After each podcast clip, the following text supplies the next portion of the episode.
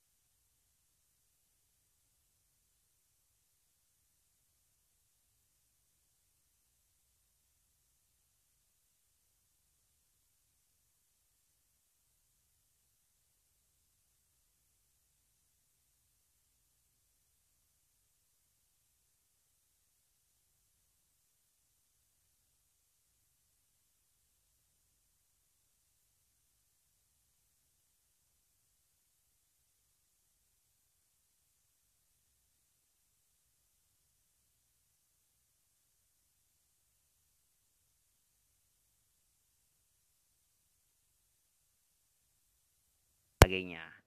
Nah, itulah beberapa kegiatan yang dapat dilakukan setelah lulus dari SMA. Nah, bisa dicoba ya kalian ya. Tapi aku se apa namanya ya? Pikirkan bahwa kita sebelum kita masuk uh, kuliah atau atau bahasa istilahnya itu universitas ya ya. Kita akan masuki beberapa ronde atau tantangan. Salah satunya ya tantangan yang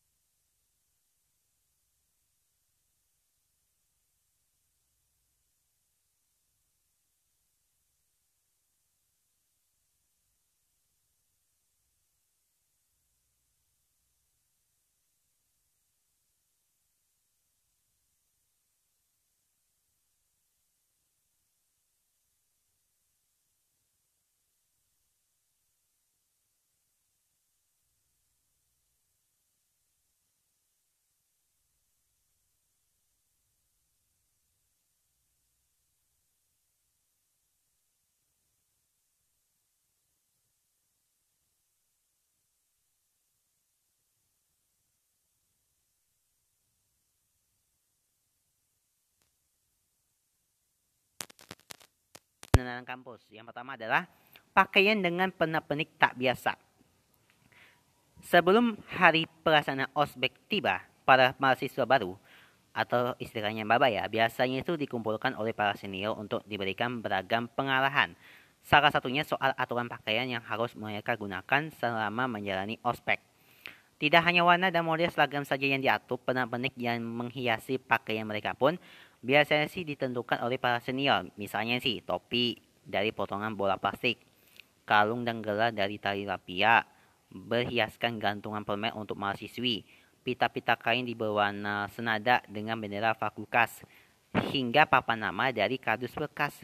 Selama berada di lingkungan kampus, kelihatan sampai dengan masa ospek berakhir. Jangka waktunya cukup beragam ya, ada yang hanya 3 sampai 7 hari. Ada juga kampus eh, atau fakultas yang melangsungkan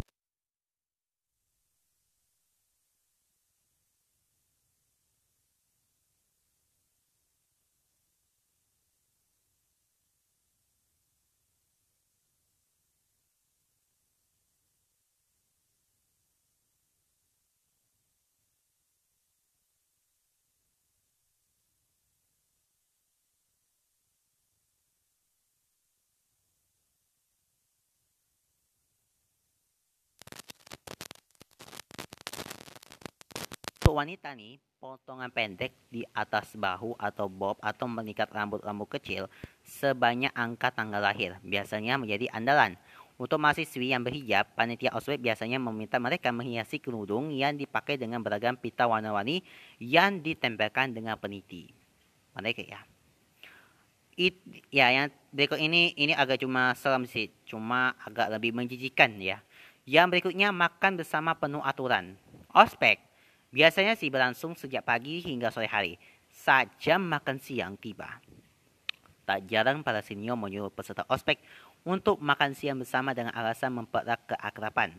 Hmm, cukup. Tidak menarik ya. Namun momen makan siang akrab itu tidak lantas bebas dari para aturan yang dibuat para senior. Seperti waktu makan yang dibatasi hanya 5 menit, duduk bersila dan tegak saat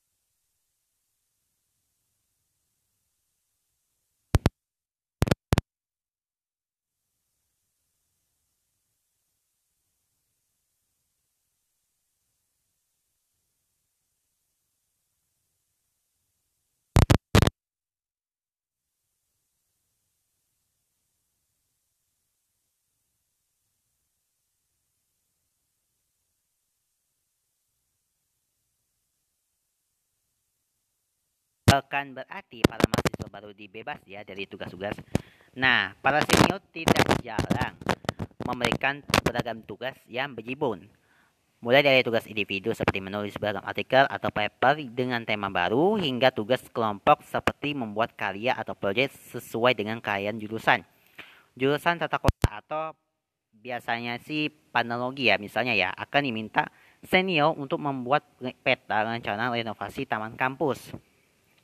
Atau jurusan jurnalistik akan ditugaskan untuk karya jurnalistik video misalnya. Nah, tugas-tugas itu ternyata punya manfaat positif untuk para mahasiswa baru nih. Namun tak jarang mahasiswa baru yang merasa terbebani dengan tugas-tugas itu ya. Karena hanya waktu pekerjaan tugas yang relatif sangat singkat. Yang paling ketujuh, malam keakraban. Hari terakhir masa ospek adalah waktu yang sangat dinanti-nanti para mahasiswa baru. Tak hanya lega karena beragam keletihan selama ospek akhirnya usai, namun juga karena penutupan ospek biasanya disertai dengan perayaan atau seremonial yang menyenangkan seperti acara malam keakraban misalnya ya atau menyalakan api unggun misalnya ya kan? Dalam acara yang biasa dilakukan pada akhir pekan ini tak ada lagi soal aturan soal seragam apalagi model rambut yang diharuskan selama mahasiswa baru bisa bebas berekspresi menyediakan diri sendiri di malam itu kesan senioritas yang melekat selama ospek mulai memudar akan dan hilang di malam keakraban. Nah, tradisi malam keakraban di setiap jurusan dan kampus itu tentu berbeda-beda ya. Pada umumnya, Acara ini biasanya selalu diwarnai dengan beragam hiburan seperti mengambil musik dan makan malam bersama. Ya itu tadi ospek di masa kampus ini, oke?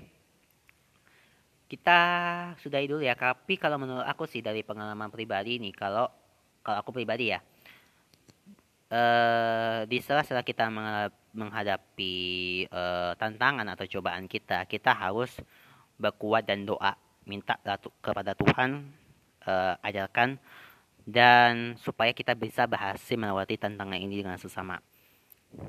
Dan buat kamu yang udah lulus lulus kuliah atau mau masuk perkuliahan, uh, silakan coba ini apa namanya ya.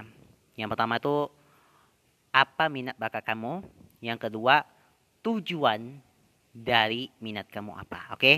Itu dari pesan dari saya dan semoga bisa menjadi manfaat untuk kita semua ya. Jangan lupa ya untuk di sosial media kita di Instagram dan juga Twitter masih sama di podcast Cerita Tyler. Dan kalian bisa dengerin ya di Spotify di klik follow dan bunyikan lonceng supaya kamu nggak ketinggalan episode baru. Dan jangan lupa kalian bisa kirimkan cerita mulai dari cerita inspiratif cerita masa-masa pengenalan sekolah atau cerita masa kampus cerita galau cerita serem atau cerita masih banyak lagi lah ya silakan kalian di DM ya di Instagram kita di podcast cerita Tyler atau Twitter juga bisa ya di podcast underscore Tyler. Kami akan terus hadir setiap hari Senin, Rabu, dan Jumat dengan topik-topik dengan tema yang berbeda. Kami kita udah dulu ya pamitan ini dengan terima kasih atas menenangkan dan sampai jumpa lagi di episode berikutnya. Bye-bye.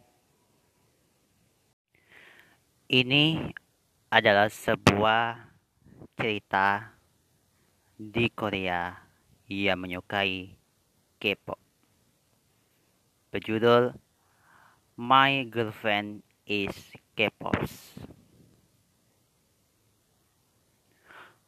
Pagi yang cerah dan burung di kota Seoul berkicau dengan suara yang indah. Ku terbangun dengan jadwal yang padat hari ini yaitu bekerja di galeri seni sebagai karyawan di sana dan datang ke konser artis. Aku bersiap berangkat kerja karena di galeri seni sedang ada pameran lukisan di sana. Aku menunggu acara itu selesai.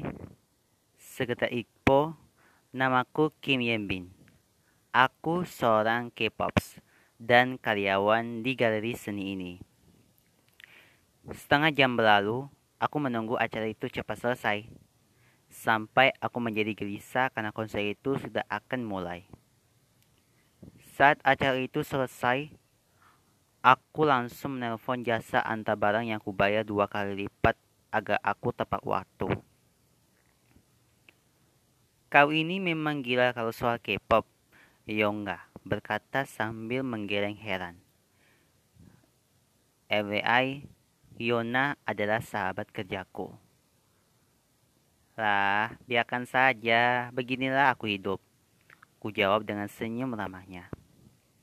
Sesampai di dekat konser, aku menyiapkan perlengkapan, lightstick, kamera, tulisan fighting. Aku berteriak bersama fans yang lain. Di luar tempat konser, aku hampir tertabrak mobil seorang manja tampan, baik, tinggi, dan berpakaian formal. Eh, kau Gwenca ya, Nona? Tanya Namja itu. Gwenca Miyahare. Aku yang salah karena tidak memperhatikan jalan, jawabku. Tidak kok, yang salah aku mau ku antarku pulang. Hmm, boleh. Tapi kamu tidak apa ya mengantarku pulang? Aku bertanya sambil mengangkat satu alisku. Gwen Caha, jawabnya. Lalu aku diantar pulang sampai depan rumah dan dia pulang setelah itu. Keesokan harinya di galeri seni, perhatikan semuanya aku akan turun dari jabatan direktur jadi akan ada yang menggantikan aku yaitu Pak Seo Yun, pelukis ternama dari Amerika. Tenang, dia orang Korea. Direktur yang memberitahuku dengan panjang lebar dan seorang namja masuk, aku terkejut karena direktur baru itu adalah Namja yang kemarin malam. Dia tersenyum memandangku. Kau bantingku. Iya, namaku Pak Seo-yun, direktur baru kalian. Jawabannya dengan ramah dan tersenyum. Mari kita berkenalan agar dapat bekerja sama dengan baik. Ucapnya memecah keheningan. Saya Kim Yona, antusias Yona menjawab. Saya Jung Jung Ho, teman sewanganku yang antusias. Saya Lee Chae-young, satu lagi tambah antusias. Saya Kim Yemi Pak, kirangku yang sedikit memupuk kepala. Baiklah kalau begitu, semoga kita dapat bekerja sama dengan baik. Direktur Sunyun yang tersenyum sambil mengurus kepalaku. Semua orang melihatku aneh dan aku juga terkejut dengan direktur itu. Eh, Yemin, kamu pacaran dengan direktur baru itu ya? Tanya Yona yang berbisik di sampingku. Ah, nih, aku juga terkejut. Beberapa kemud bulan kemudian, Direkturnya ini masih saja perhatian dan baik kepadaku hingga hari ini. Aku mulai menyukainya. Malam ini, aku ada janji dinner dengan Direktur Sunyun. Henning, kamu sangat cantik hari ini. Pujiannya membuatku malu. Benarkah? Kamsahamnida, Direktur. Aku jawab dengan senyum. Suasana menjadi canggung karena kami berdua gugup hingga Direktur Sunyun itu mulai berbicara eh, Yenin, aku ingin menyatakan sesuatu. Liriknya bertanya kepada sambil gugup. Apa direktur? Aku bingung yang akan dikatakannya. Jujur, dari pertama aku bertemu denganmu, aku merasakan ada yang aneh denganku. Aku mulai memikirkanmu, mengkhawatirkanmu. Dan aku sadar, jika aku sangat mencintaimu, maukah kau menjadi kekasihku? Ucapannya yang membuat aku terkejut. Direktur? Jangan panggil aku direktur. Saat ini kita di luar kantor, panggil aja Opa nih. Baiklah Opa, aku mau jadi kekasihmu. Tapi, ada apa? Apa kamu, apa kau mau punya pacar yang suka K-pop? Nah, Giwenca, kamu jadi K-pops. Yang penting aku mencintaimu. Soyu menyakitkanku sambil memegang pipiku. Sarangi opa. Ku memandang wajahnya yang tampan itu tiba-tiba ia memelukku. Nani saya cariga. Aku membalas pelukan dengan erat.